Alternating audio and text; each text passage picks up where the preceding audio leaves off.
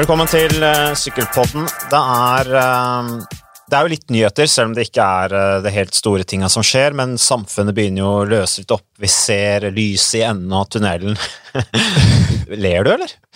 Nå, skulle, nå, prøvde jeg å være litt sånn filosofisk og, og komme med noen gode sitater og i det hele tatt av store tenkere, og så bare ler du. Så alt, sånn- alt, alt den gode introen her kunne inneholdt, det blir ødelagt nå. Du er en sånn hobbypoet. Jeg er egentlig ikke det, men uh, jeg følte at jeg kunne være det. Uh, og så bare ler du av meg, og nå er det Ok, men greit, men da går vi bare rett på, på sykkel. Uh, jeg ser her på nyhetene, Magnus Aare, at Grånevegen Du er veldig god på nederlandsk. Kan ikke du si hvordan egentlig hvordan Grånevegen egentlig uttales? Dylan. vi har spurt han x antall ganger. Han mm. sier vel Gronevegen. Ja. Uten å så Tror du dropper siste n i navnet. Altså, Gronevegen. Mm. Tror jeg det. Litt uh, komplisert, uh, så vi sier Gronevegen. Ja, vi gjør det. Men han skal jo til Italia rundt, fordi at uh, de satser jo på sammendraget i Tour de France. Det blir jo knallsterkt lag der, Jumbo Visma. Men det, sånn logisk sett, da, så har vi da liksom antatt at Amund Grøndal Jansen, vår egen, hele Norges Amund Grøndal Jansen, og lagkamerat med Gronevegen i Jumbo Visma skulle da til Giro Italia, men det skal han visstnok ikke. Men han skal sykle klassikerne isteden, som går i, i ø, oktober. Og det er jo det at du får et sånn girofelt som ser ut til å bli litt sånn stjernefattig. Selv om Carapaz, Nibali, Sakharin, Maika uh, og en del andre skal dit. Folsang. Folsang. Um, men klart, Sakharin og Maika og Folsang det er jo ikke Det er jo ikke et B-lag, men det, det, er jo ikke, det er jo ikke top of the pops. Så, men da, klassikerne må jo ofte velge, da. Så um, de fleste dropper jo giroen i år. Men så er det jo liksom daglig eh, diskusjoner om en må flytte på datoer fortsatt, og så skal vel UCI sitt council, altså styremøte, skal vel ha et møte nå i torsdag eller fredag. Med litt mer avklaring rundt kalenderen. Så vi får se hva som skjer, da. Men um, de fleste som skal kjøre Brostens klassikere, eller alle som skal kjøre Brostens klassikere, kan jo da ikke stille opp i, i giroen. Og Sånn må det nesten være. tenker jeg. Det, det, er en del ritt som du kan liksom ikke gjøre alle til lakser. Nei, det blir jo en helt vill høst. Det blir jo helt uh, sinnssykt, for å bruke det uttrykket. Og RS, nei, RCS, altså arrangørene av bl.a. blant annet Giro Italia og disse flotte endagsrittene som vi kjenner fra Italia, med Lombardia Milan San Remo, de er jo egentlig forbanna, de nå, på Det internasjonale sykkelforbundet, fordi at de hadde jo opprinnelig fått en dato for Milan San Remo som ikke kolliderte. Men så har det nå blitt flytta pga. de nasjonale mesterskapene og EM, som plutselig har kommet på kalenderen igjen allikevel. Eh, så eh, dermed så arrangeres da Milano San Remo Det skal arrangeres 15. august, og da kolliderer det da med kriterium du Dauphiné. Og opprinnelig så var planen å flytte Milan, eller at Milano San Remo skulle eh, gå da 22. eller 23. august. En sånn for å liksom uh, veie opp litt for uh, frustrasjonen til RCS, så skal de visstnok få lov til De får dispensasjon til å ha målgang på kvelden, da. Klokken syv om kvelden. Ja, For regelen er vel 5.30, er ikke det? Jo. Det er en annen regel som plutselig er der. ja, det er en regel i internasjonal sykkelsport at du kan ikke sykle sykkelløp ja. etter halv seks om kvelden. Men jeg ser jo de, de fleste er jo sure på UCI, og det er jo ikke noe nytt. Jeg ser jo De har jo nå da gitt um, Eh, sin høyeste eh, pris, største ære, til eh, Turkmenistans president. Mm. Gurbanguli Bermuhamedov. Og så synes du syns ikke han fortjener det? Nei, Noen vil jo si at diktatorer kanskje ikke bør ha æresutmerkinger fra internasjonale idrettsorganisasjoner. Men skal de først få en internasjonal anerkjennelse, så er det jo gjennom idretten de får det. Ja, så det er viktig at vi så du mener det er viktig så, at idretten ja, tar en støy? Sykkelforbundet bare vedlikeholder på en måte den orden som er i internasjonal idrett. da. Ja, og det er jo veldig fint. Og sørge for å pleie forholdet til diktatorer. Ja. Det er viktig å ha Turkmenistan med nå. Ja, de skal jo arrangere sykkel-VM òg. ja, det skal det. Nei, det er jo spinnvilt, da. Nei, så UCI har som vanlig mange kritikere, men jeg føler litt mer av dagen. da. Jeg, jeg plager jo av og til den kommunikasjonssjefen med litt vel mange spørsmål og mailer. Og så skjønner jeg jo at det er jo jobben vår i media, sant? og det skjønner jo han òg, men jeg skjønner jo at jeg har eh, Han sover knapt om dagen. Eh, som òg gjelder lederne i norsk idrett. i dag. Altså, de som styrer idretten, da, har ganske tøffe tider. Altså. Mm. Så um, Vi får kanskje slutte å plage dem som, altså. Men eh, det kommer altså da en ny revidert kalender nå da ganske straks. Mm. Med noen små endringer fra UCI, så får vi se hva som, hva som står der. Ja, så jeg syns på en måte at vi skal dele vår omtanke med folk i toppen eh, i, i idretten. Det er, over, over nasjonalt eller internasjonalt, ja, uh, uansett om de gir priser til diktatorer. Og nå kan jo da kanskje Lapardé ta med seg gjengen sin, da, Internasjonalt Sykkelforbundet, på en liten uh, lagbyggingssamling når dette er over i Turkmenistan. Kanskje det kan bli en fin ferie og oppladning for Det er jo greit å krysse av den Turkmenistan på bucketlisten. Da har du på en måte vært der og been there, done that. Ja, og de skal jo arrangere ingen, VM på bane. Det er vel ingen koronadødsfall i Turkmenistan heller, om jeg har forstått det riktig? Nei, de driver ikke med sånt. Nei, det er heller ikke det. Så Nei. det er ikke korona der. Det er uh, smittefritt, som noen få steder i, i, verden hvor det er det. Men uh, videre av uh, nyheter uh, som er litt interessante, som jeg tenkte vi skulle ta på på, um, på sykkelpodden, det er Roman Bardet. Hele Frankrikes Roman Bardet. Han er jo en flott fyr. Vi liker Roman Bardet. Han står, har fine verdier, han snakker godt engelsk, han virker som en litt sånn uh, intellektuell fyr. Tar alltid med seg ganske tunge bøker på Grand Tours i kofferten. Men det er jo noen av disse franskmennene og uh, poesi og filosofi Jo, men bare og... det skaffer jo seg litt fiender. for han, Jeg vet jo det er en ryttere som reagerer Av alt du kan reagere på her i verden, så reagerer en del ryttere på at bare det da, i sosiale medier og utad, prøver å framstå som uh, en mann med litt andre perspektiv på livet enn kun sykkel. Mm. tenker Det er jo fint, tenker jeg da, men det er en del Han har fått litt motbør for det. For å liksom skulle tøffe seg og være litt sånn Stå ut av eller Bedre enn de andre, på en måte? Ja, på en måte. Så du, du skjønner at det er mange konflikter ute og går, altså, når folk reagerer på bokvalget til Roman Barré. Ja, så janteloven lever i fransk Absolutt. absolutt. Men uh, Sunweb, som han visstnok skal til, vil ha kompis med Leknestund. Mm. Og kanskje Vegard Stokke etter hvert. Um, det høres ut som en god match i mitt hode. Ja, hvorfor mener du det? Fordi han selv om han har vært der i alle år, så er han fortsatt 29, tror jeg. Mm. Fortsatt mange år igjen. Og så, selv om han hadde dårlige år i fjor, så er han jo en rytter som beviselig både kan kjempe om å vinne Grand Tours, han kan vinne oppsett, kuperte klassikere, eh, VM, har medalje derfra, mm. Eh, kan vinne kortetappløp. Eh, som du sier, gode verdier, eh, tilsynelatende. Eh, så det skulle være en god match. Sunweb trenger jo liksom å få inn et stort navn. Og, god utfor er han òg? Det er han. Mm. Uh, men Sunweb trenger jo liksom å, å stole på Vilko Kellermann og Sam Aamen, Sam Aamen som visstnok òg skal på vei bort. Det er ganske skjørt, altså. Vilko Keldermann uh, tryner jo mer enn en 90 år gammel dame på to enhjulssykkel. Så det blir det, det, er liksom, Talent er der, da, men bare det er jo mye større garanti, tenker jeg.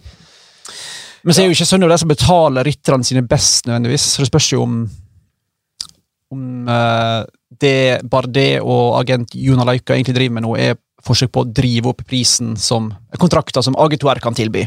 Ved å liksom å, i sånn fotballstil vise at det er interesse rundt hans uh, framtid. Mm, litt sånn som vi var inne på med Chris Froome. Ja, jeg tipper han blir i Agetoir. Og Michelle Count eller Froome, hva mm. han heter nå. Kona, som jo er en løs kanon, og går ut i media. Det er visstnok henne som har gått ut i media og spredt dette ryktet om at Chris Froome Burde egentlig fått en slags sånn sit-down med henne, tenker jeg en gang. Det tror jeg kunne vært morsomt. Hun tror jeg masse, hun skyter fra hofta, som din far. Mm. Hvis, de får far hvis de får Johan til å intervjue Michelle Count, da får du sprengstoff i hver ordveksling, tror jeg. altså. Sit down med Johan Kaggestad eller Ridder Kaggestad og Michelle Count? Ja. Johan-intervjuet. Den uh, går vi for. Det blir en uh, Sykkelpodden spesial i så fall. Eventuelt så burde det være live-TV. Live-TV, tror jeg. Det tror jeg er det beste. Men uh, Roman Bardet han har jo altså vært to ganger på pallen i Tour de France i 2016 og 2017. Uh, og han har jo også vunnet bakkekonkurransen i Tour de France i fjor. Uh, han går jo for uh, Tour de France igjen i år, men med en annen tilnærming, ikke i sammendraget. Målet hans er å gå for etapper, og det lukter ah, da litt som altså, bakkerød igjen. Sorry, altså hvis det er ett år og si, Gud og hver man kan vinne Tour de France, og en burde satt på sammendraget, så er det jo i år. Når alt er uvisst, du vet ikke hvem som stiller opp, du vet ikke hvordan folk har forberedt seg, du vet ikke om folk er dopa eller reine, du vet ikke hva slags lagkompiser du har, du vet ikke hva slags lag du skal for neste år. Det er jo i år alt kan skje. Så det er jo i år Romaba det burde på en måte bare prøve, tenker jeg da. Mm. Er du ikke enig? Jo, men han går jo tydeligvis inn i Tour de France på samme tilnærming han hadde i fjor. Ja, og det gikk jo kjempebra. Ja, han vant jo bakkekonkurransen, da. Jo, men det var jo en heidundrende fiasko fra hans høye status, håper jeg, perspektiv. Mm. Han var jo ikke happy. Nei, men jeg tenker at han er liksom ikke den helt store samlet rytteren likevel, så jeg tror uansett at han kan lage mer show, bli mer sånn Uh, bli mer populær rytter på hjemmebane ved å bare være offensiv og gønne på, sånn som vi jo husker uh, Bargill gjorde. Så ja. Ja, Karrieren skal går jo bare én vei, rett opp. ja, Nå får vi jo se, da, uh, i uh, Tour de France. Ja, jeg kommer forresten med en uh, podkast spesial med Gabriel altså, Nå kan du knapt kalle det en spesial med Gabriel, for han er jo nesten like vanlig å ha på sykkelbåten som deg nå, Magnus. Men den podkasten med, med Gabriel blir veldig bra, fordi at der snakker jeg med Gabriel om, om dette her at han faktisk Han, han blir jo førstedirektør altså i verdens største sykkellag, i verdens største sykkelritt, med altså Geraint Thomas, uh, Chris Froome, Egan Bernal og hele det koblet av ryttere. Og dette her skal disse få til, vinne Tour de France igjen, og midt oppi det er Gabriel som leder. Det er ganske interessant det han sier der om hvordan de forbereder rytterne på, uh, uh, på det, Eller hvordan de forbereder seg for dette med konflikthåndtering, da eh, god tid i forveien før Tour de France. Eh, og også om, eh, om, hvordan de jobber nå for å gjøre planlegging, eller for å planlegge dette her best mulig. Eh, dette puslespillet i forhold til treningssamlinger osv. Så, videre. så den podkasten kommer eh, med Gabriel Rask, så den bør, bør, bør du høre, Magnus. En av uh, Rasks nye elever er jo mannen med det musikalske navnet Kanskje det mest musikalske navnet i sykkelsporten. Andrej Amador Bikasakova. Men det blir jo ofte sagt at navnet skjemmer jo ingen. Jeg er ikke alltid enig i det, men det er jo det som blir sagt. Det er jo et slags norsk ord, ord, um, det, ordtak. Mm. Men vet du hva? Romain Bardet er jo gift med uh, sin kjære Amandine, og de ble jo foreldre i, um, i februar i år. De fikk en sønn. Vet du hva sønnen heter? Nei. Angus. Angus? Er ikke det en oksetype? eller Det hørtes jo veldig sånn britisk ut. Jo, så Angus Bardet. Det er da altså sønnen til uh, Romain Bardet.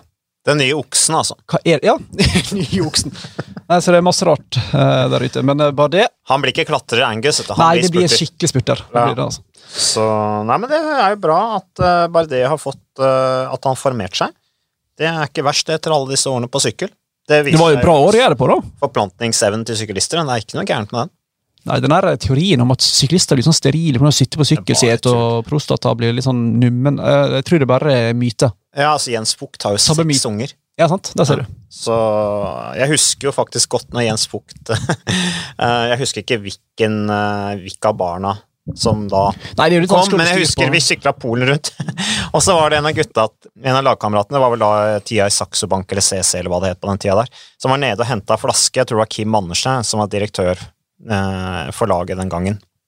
Eh, og så hadde Kim Andersen da snakka med kona til Jens Fugt på, i, i, i, bilen, altså underveis i rittet. Er det vanlig praksis? Eh, nei, jeg vet ikke. Det kan jo være. Men hun hadde i hvert fall ringt til Kim Andersen. Eh, og dette var jo da mens Jens Bucht hadde sykla sykkelløp i Polen, en etappe i Polen rundt.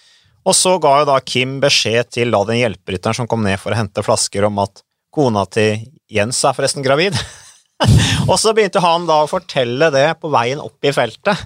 Så alle i feltet visste jo at kona til Jens var gravid før Jens Vogt, som satt langt framme. Så det var litt morsomt. Alle holdt på å le seg i hjel. Jens Enda et barn, da. Men han var jo sånn, jeg husker når Jens kom på ritt, så var det jo ofte sånn øh, Syklister klager jo masse. Uh, som, alle idrettsutøvere. Altså, du er jo sliten, og Tour de France er langt. og okay. du, blir, sånn, du vet jo litt sånn, ja, Nå begynner det å bli nok en dag, og jeg skjønner jo at de er slitne. Men Jens Vogt var litt mer sånn Jeg vet ikke hvor mange ganger han sa det i intervjuet der. Uh, nei, men Jeg har jo alle barna mine hjemme som kommer på sykkelritt. Det er jo ferie. Ja, ja, for han hadde jo fått en barnehage hjemme, så han var bare komme seg vekk, ut på sykkelritt. Så han holdt ut lenge, da. Så det er jo kanskje forklaringa. Ja, nei, for Jens Bukt så var det, var det en befrielse å komme på sykkelløp og kunne slappe av og bare sykle. Kruse litt. Så, han var jo en utrolig positiv person å ha rundt seg. Jeg sykla med han i 2003 i, i Cridia Recall. Det ble bare ett år, dessverre. Eh, ellers, eh, det er, skjer veldig mye på sånn eh, overgangs... Eh, det skjer jo en del på overgangsmarkedet. Eh, blant annet en del lag som forlenger kontraktene sine. Vi har vel snakket om eh, Francede Jeu, eller FDJ, som eh, noen sier, som har forlenget lange kontrakter med enkelte av sine ryttere. Men Ivan Garcia Cortina i spansk sykkelsport er jo din spesialitet, Magnus. Bahrain McLaren-rytteren, som jo er et kjempetalent, god spurter, klatrer ganske bra. Veldig farlig mann å ha i et hvilket som helst brudd. Uh, han uh, skal visstnok til 24-åringen skal visstnok til Movistar for de tre neste årene. Lange kontrakter igjen, altså. vet du noe mer om det? For mm. han avvises av selveste Cortina selv. Ja, og så var det jo i utgangspunktet troverdig kilde til den artikkelen. Uh, vi vet at Bahrain McLaren Eller vi vet vel ikke, men tilsynelatende sliter de ganske tungt med økonomien, uh, sier forskjellige folk i miljøet. Uh, Garcia Cortina jo har fått den utakknemlige oppgaven med å gå i fotsporene til Oscar Freire. Så linken om at han går til Spanias største sykkellag, er jo ganske åpenbar. De trenger jo en rytter som han for å si, ta over fra en Valverde som på et eller annet tidspunkt må sette punktum. Uh, så det, gir, det veldig sånn, gir jo veldig mening, da, uh, at Garcia Cortina ender opp der. Men om det er sant, det vet jeg faktisk ikke. Det eneste jeg vet, er at han er jo uh, glad i å spille cello. Så han er og som, kultivert person. Altså. I min oppvekst var jeg jo Sogn og Fjordanes eneste cellist. så jeg, jeg, deler smerten, og jeg har stor respekt for at han har stått i, stått i det. og brukt det instrumentet på fritida, til glede for andre. og tydeligvis får tid til å sykle nedover. En fantastisk eh, ritter som kommer til å vinne ja, Amstel, Liège, den type ritt. Ja. Vanvittig god spurt, uh, brukbar klatler. Kan vinne på uh, Flandern rundt, da, han. Ja, han kan kanskje det. Ekstremt sånn uh, god bikehandler. Sykler jo ned av sånne uh, fixie-kriterier, borti Red Hook-kriterium borti USA. Uh, meget bra ritter. Mm. Spennende. Med han er absolutt en mann som hører hjemme i eh, Movistar, tenker jeg. Ja, de trenger nok spanske profiler etter alt det raske de har uh, raska til seg før sesongen i år. De er jo plutselig blitt veldig internasjonale eh, og sendt landa ut, så de trenger nok en spanske syklister. Du nevnte Oskar Ferreira. Han er jo nå blitt 44 år. Jeg husker jo han godt avsluttet karrieren sin i Katusha. Det ble med det ene året. Han, det var en dårlig match, hæ? Ja, det var ikke det. Hva var det for noe? Ja, det var ingenting. Altså, han Ja, jeg bare ser deg på Ja, han sto jo av Eller han, han avsluttet karrieren da etter 2012-sesongen. Hadde ett år i Katusha etter mange år i Rabobank. Han ble jo verdensmester tre år, eh, og vant jo Milano Sanremo tre ganger. Men kanskje mest kjent for å aldri bruke klokke? Han syntes det med tid var stressende. Og klart det er jo kjipt å forholde seg til tid. Og derfor var han dårlig på tempo? ja, det, ja, det ligger jo litt i korta. Og så var han jo òg til sin store irritasjon for en del lagkompiser så var han jo ekstremt distré. Eh, så uten klokke så glemmer du mange ting. Du glemmer tida, og så glemt, Han dukka på sykkel husker jeg, uten sykkelsko engang, for eksempel. Mm. Og det er jo litt sånn dumt, da. Men han uh, levde litt sånn her Han var en sånn fri sjel. Han hadde ikke sykkelsko i regnbagen sin heller? Sånn som man skal ha? Ikke vet jeg, men det var iallfall fall Det var, var, var ikke uvant at han lot ting bli, uh, bli heime. da. Han glemte sykkelskoa, mens andre spanske syklister på samme tid tok med seg balltre på sykkel uh, der. Uh, altså Roberto Leiseca. Så har du hatt masse rart. Har Leiseca hatt med seg balltre på sykkel? Ja, han dukka opp på Euskatel sin sånn preseason camp utenfor Bilbao, jeg tror det var 99 i Derio, rett nord for, for Bilbao. Tynne, spinkle ja, Hadde ikke med seg sykkel, hadde med seg balltre. Jeg vet ikke om det var en slags sånn trussel mot det andre, eller om det var um, de skulle diskutere kapteinsrollen, eller? Ja, det, det kan høres sånn ut. Ja, men så balltrean, så det er mange rare um, varianter. Men for å være seriøs, det er jo litt sånn Jeg skjønner jo at Movistar vil ha og trenger Garcia Cortina, for du ser Carlos Rodriguez, supertalentet fra Spania, gikk til Ineos. Han burde gå til Movistar. Movistar er det ene store spanske storlaget. De bør ha han. Jeg tror ikke Ineos bare han, gjorde det for å si litt sånn fuck jo. off til Movistar, da? Jo, jo, men så ser du òg Juan Ayuso, 18-åring. Det er jo de to som er store i spansk eh, juniorsykling. Signert for UAE Team Emirates. Så jeg går glipp av disse få store talenter, så de må jo på en måte sikre Og så sender de ut landa til Brian McLaren. De har jo åpenbart et behov for å Iallfall få en av de store spanske plagene sitt. Hva er det som skjer med rekrutteringsstrategien i Movistar? Det har liksom rakna helt etter den der konflikten med han eh, bakeren eh, Aquadro. Aquadro. Italienske agenten. Nei, det. De de får, mer penger, da. Altså UAE betaler jo godt, det er jo ingen hemmelighet. Innes betaler godt, det er ingen hemmelighet. Og så virker jo de lagene til å være villige til å gi dem proffkontrakt mye tidligere. Det kan nok sikkert være med på å lokke dem litt. da.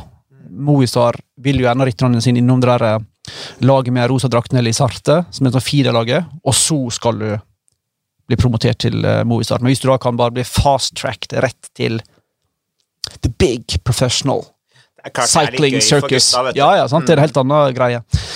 Så det har en del ting å jobbe med i Movistar. Selv om modellen til Movistar Jeg liker den med Lisarte også veien opp, men det er veldig sånn hierarkisk, litt sånn mer old school-modell, da. Ja, da.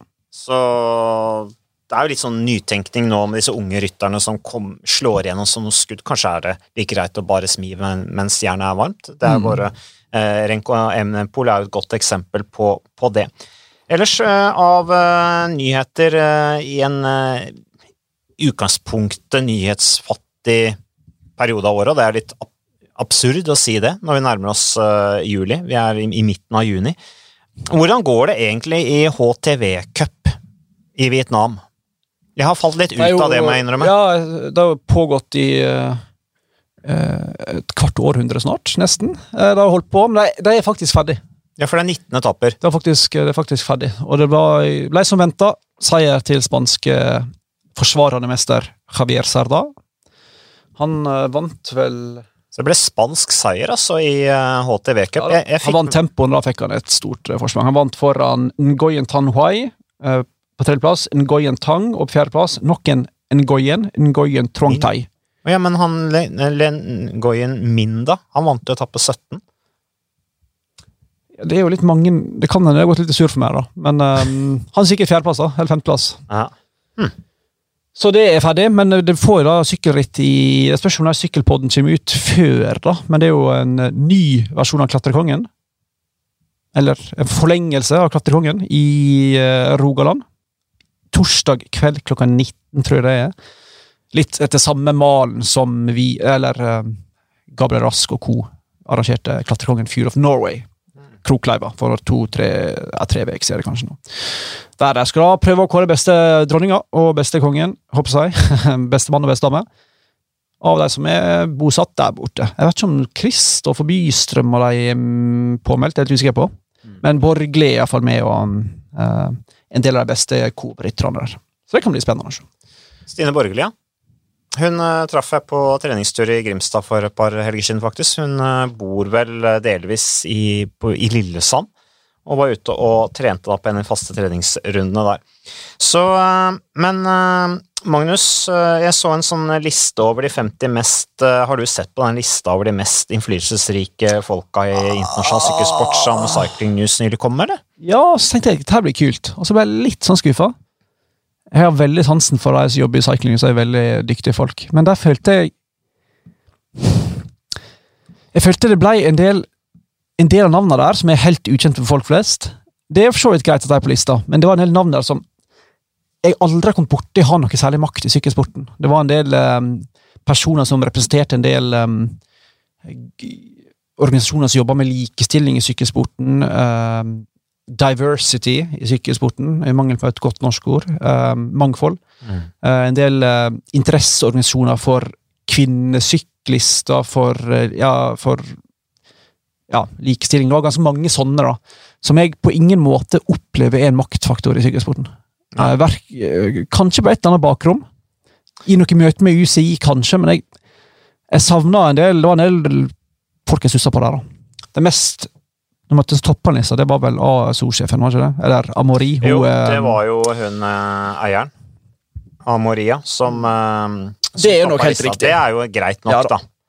Eh, jeg ser Hvitgold Banka er der, ikke sant. Wada-direktøren. Ja, altså, du har Richard Plugge, det er mye sportsdirektører ja. som går igjen. Det er noen ryttere også, selvfølgelig. Plugge har stor både makt og definisjonsmakt. Mm. Gjennom sin sin rolle og sin eh, påvirkningskraft. Men ta Vithold Banka, da, som altså da er sjef for WADA, verdens antidopingorganisasjon, byrå. Hvor masse makt har han over sykkelsporten? Det er litt uklart for meg akkurat Nei, han har jo makt i den form at han kan enten eh, anerkjenne eller ikke anerkjenne arbeidet som skjer i internasjonal sykkelsport. Da. Ja, og, hvem, og dermed bidra til å svekke eller styrke omdømmet jo, men hvem bryr seg egentlig hva Vardø syns lenger? Hvor, stor markedsfaktor er egentlig de? Ja, jeg er helt enig. Uh, jeg tenker Mathieu van der Poel må jo mye lenger fram på den lista med alt han genererer av sponsorer, konkurranseformat, interesse, TV-dekning, eh, popularitet Han har jo mye mer makt, vil jeg påstå, da. Mm. enn en ukjent polakk som leder Verdens antidopingbyrå. Det blir litt sånn byråkrat, tenker jeg, eh, han Banka. Ja, det blir veldig. Men uh, ja. Det, ellers er det jo, det var som du var inne på, Marie Odile Amori, som er uh, da president i Eh, ASO, altså arrangørene av bl.a. Eh, Tour de France La Partie, er nummer to. Og så er det Jan Lemonier, som er altså CEO i ASO, da, som regnes som de tre mektigste ifølge Cycling News, da, eh, personene i internasjonal sykkelsport. Dave Brailsport på fjerde. Det er ikke Ingen nordmenn på lista, for øvrig? Nei. Uh, Brailsford har jo voldsomt makt. Var Ratcliffe oppe på lista, eller? Ja, Han er også på lista. Han er litt bak Brailsford, da. Den ja. mektigste av rytterne, eller den av rytterne som kommer høyest opp på denne 50 mektigste personer i internasjonal sykkelsport, det er da Peter Sagan, Bore Hansgrohe-rytteren fra Slovakia, som da som er nummer fem. Hva slags makt har han, da? Nei, Det er veldig sånn løst begrep, det der maktbegrepet, ja. så det er vanskelig å Klart han er innflytelsesrik, mm. men jeg, vet ikke, jeg føler jo at Chris Froome han er den eksempel, betalte, ja. Han er den best betalte rytteren i, uh, i verden, uh, ifølge Lekip. Han ligger på 40-50 mill. kroner i året, jeg skjønner? Eh, jo, 5,5 millioner euro ja. mener Lekip at han tjener, av, Så det er jo da nærmere 50-60 millioner i året. Som jo for så vidt er vel fortjent når du er sykkelrytter i forhold til en del andre utøvere. Egan Bernal regnes som den sjette mest mektige personen i internasjonal sykkelsport. Og det er jo liksom Ja, jeg vet ikke. Det, nei da, men den lista her har de jo. Filippa York, ikke sant? tidligere Robert Miller, som jo eh, skiftet kjønn. Var jo settrytter. Robert Miller sykler blant annet med Greg LeMond og Atle Kolsvold, var en fantastisk klatrer. Forsvant jo i mange år, og så plutselig kom tilbake som Hadde skiftet kjønn, dame, og er jo nå journalist da, i Cycling News. Har mye gode analyser, men om det gjør henne mektig, det syns jeg er litt, uh, litt rart. Hva er dine topp tre mest mektige i Sykkel-Norge? Ikke si det sjøl, og så le av det. Seriøst seriøs svar. jeg, hadde, jeg satte ikke meg selv veldig høyt på den lista, altså. Uh, men uh, Hvem er mest makt i Sykkel-Norge? Birger Hungerholt uh, mener jeg Absolutt. kommer veldig høyt på den lista, og vært det i mange år. Eh, for én, fordi han har eh, Folk lytter til han. Han har en utrolig gjennomføringsevne. Han får ting til å skje. Han får ting gjort, altså. Han får ting gjort, eh, og han har jo også en forretningsmodell som på en måte, Han er jo litt avhengig av sykkelsporten også, så han, han, det er det ene grunnen til at han får ting gjort. Um, I tillegg så Han har jo både drevet de største sykkelrittene og hatt det beste sykkellaget lenge, før Uno X kom på banen dermed bidratt til rekruttering av en hel masse veldig gode ryttere som har hatt karrierer i utlandet, bl.a. Edvard Boasson Hagen, Alexander Kristoff, Gaber Rask. Uh, vært i sporten veldig lenge. Og i tillegg, når på en måte man har mangla arrangører til ritt, og man, det har vært huller i, i, i, um, i rittkalenderen og sånne ting, så har han plutselig bare fått det til. Uh, snudd seg rundt, og har et kobbel av lojale folk rundt seg som bidrar. Jeg er helt eh, enig, for så vidt. Uten at jeg skal rangere. Men så har du folk også som Det burde vi kanskje forberedt oss litt på før jeg bare eh, begynner å ta det på sparket. Ja, jeg hadde har... ikke dette på lista. Nei, jeg hadde ikke heller. Men klart, Uno X, og da med Jens Haugland i spissen, har gjennom både sine formelle roller, men òg sin si, mer symbolske status òg, voldsomt makt. Både når det gjelder forbund, eget lag, andre ritt, finansierer veldig mange ting. De har veldig stor makt, vil jeg påstå. Um, sykkelpresidenten vil alltid være høyt oppe, men klart òg Harald Tiban Hansen hadde jo i sin tid med, når du sitter på alle sidene av bordet, som han gjorde en periode der, både i Bergen, uh, eh, UCI, uh, eh, Norges Sykkelforbund Han hadde vanvittig masse makt. Den har avtatt litt. Um, hvem av rytterne er det som har størst? Men Du er inne på det. Uh, Jens Haugland og Birger Hungerholt mener jeg er de to mektigste personene i norsk sykkelsport i dag etter min mening. Ikke minst uh, måten ikke sant, uh, UnoX har gått inn og redda forbundsøkonomien. Uh, de er inne på sponsorsiden på de store sykkelløpene i Norge. De har jo rekrutteringen av nå de, de beste norske rytterne. Og en modell som jo favner stadig flere ryttere også. Så, så, de er viktige for norsk sykkelsport. Av, av, av, rytterne så er det klart du blir jo mektig så fort du blir en god utenlandsproff, for da kan du snakke andre nordmenn inn på laget. Uh, da får du en viss innflytelse. Um, og du har jo også en stemme da i media, ikke minst. Men ja, For Der tenker jeg Kristoff har masse makt. Én mm. ting er resultatene sine, men en annen måte på den, Gjennom den ærligheten hans så er han med på å sette dagsorden ofte for rikspressa. Og, og sørge for hva som blir snakka om og ikke. Uh, mer enn mange andre syklister vi har. Ja, og så er han jo også en betydelig bidragsyter til uh, sykkelmiljøet i Rogaland. Ja, ja. og på eiersida i Coop ja, og sånt, sammen med Roy Hegerberg, som selvfølgelig er en, en, maktperson. Og hele klikken rundt han, tenker jeg, miljøet rundt han, gjør jo han da selvfølgelig veldig er, mektig, da, i, i norsk sykkelsport, hvis vi kan bruke det, ja, det bruke det uten at han har noe sånn veldig behov for å være det. Så nei Din far har ganske stor definisjonsmakt, iallfall. Mm. For hva som er bra, hva som ikke er bra, hva som er feil, hva som er riktig. Og kunnskapen, selvfølgelig, og erfaringa der. Nei, det er mange. Vi burde egentlig um, ta Gave litt Rask er blitt en mektig mann nå, som direktør i Injos. Ja, ja, så uh, for øvrig, jeg fortsetter å tease denne podkasten som kommer. Den bør bli veldig bra. Den bør bli bra. Den forrige podkast så teaste jeg da neste podkast i hvert fall tre-fire ganger i løpet av den podkasten. Folk ble sikkert ikke lei. Men Marius, jeg tror vi gir oss der før vi liksom tukker tukler oss inn i noen temaer som vi ikke hadde planlagt å snakke om. Ja, vi er gode der. Så Eller dårlige. ja. Så, men takk for at du stilte på Sykkelpodden igjen, Magnus. Takk for invitasjonen igjen. Hva skulle jeg gjort uten deg? Nei, hva skulle jeg gjort uten hverandre? Vi er fram jul og bak hjul. Så ja, jo mer vi er sammen, jo bedre skal det bli. Ha en fin dag!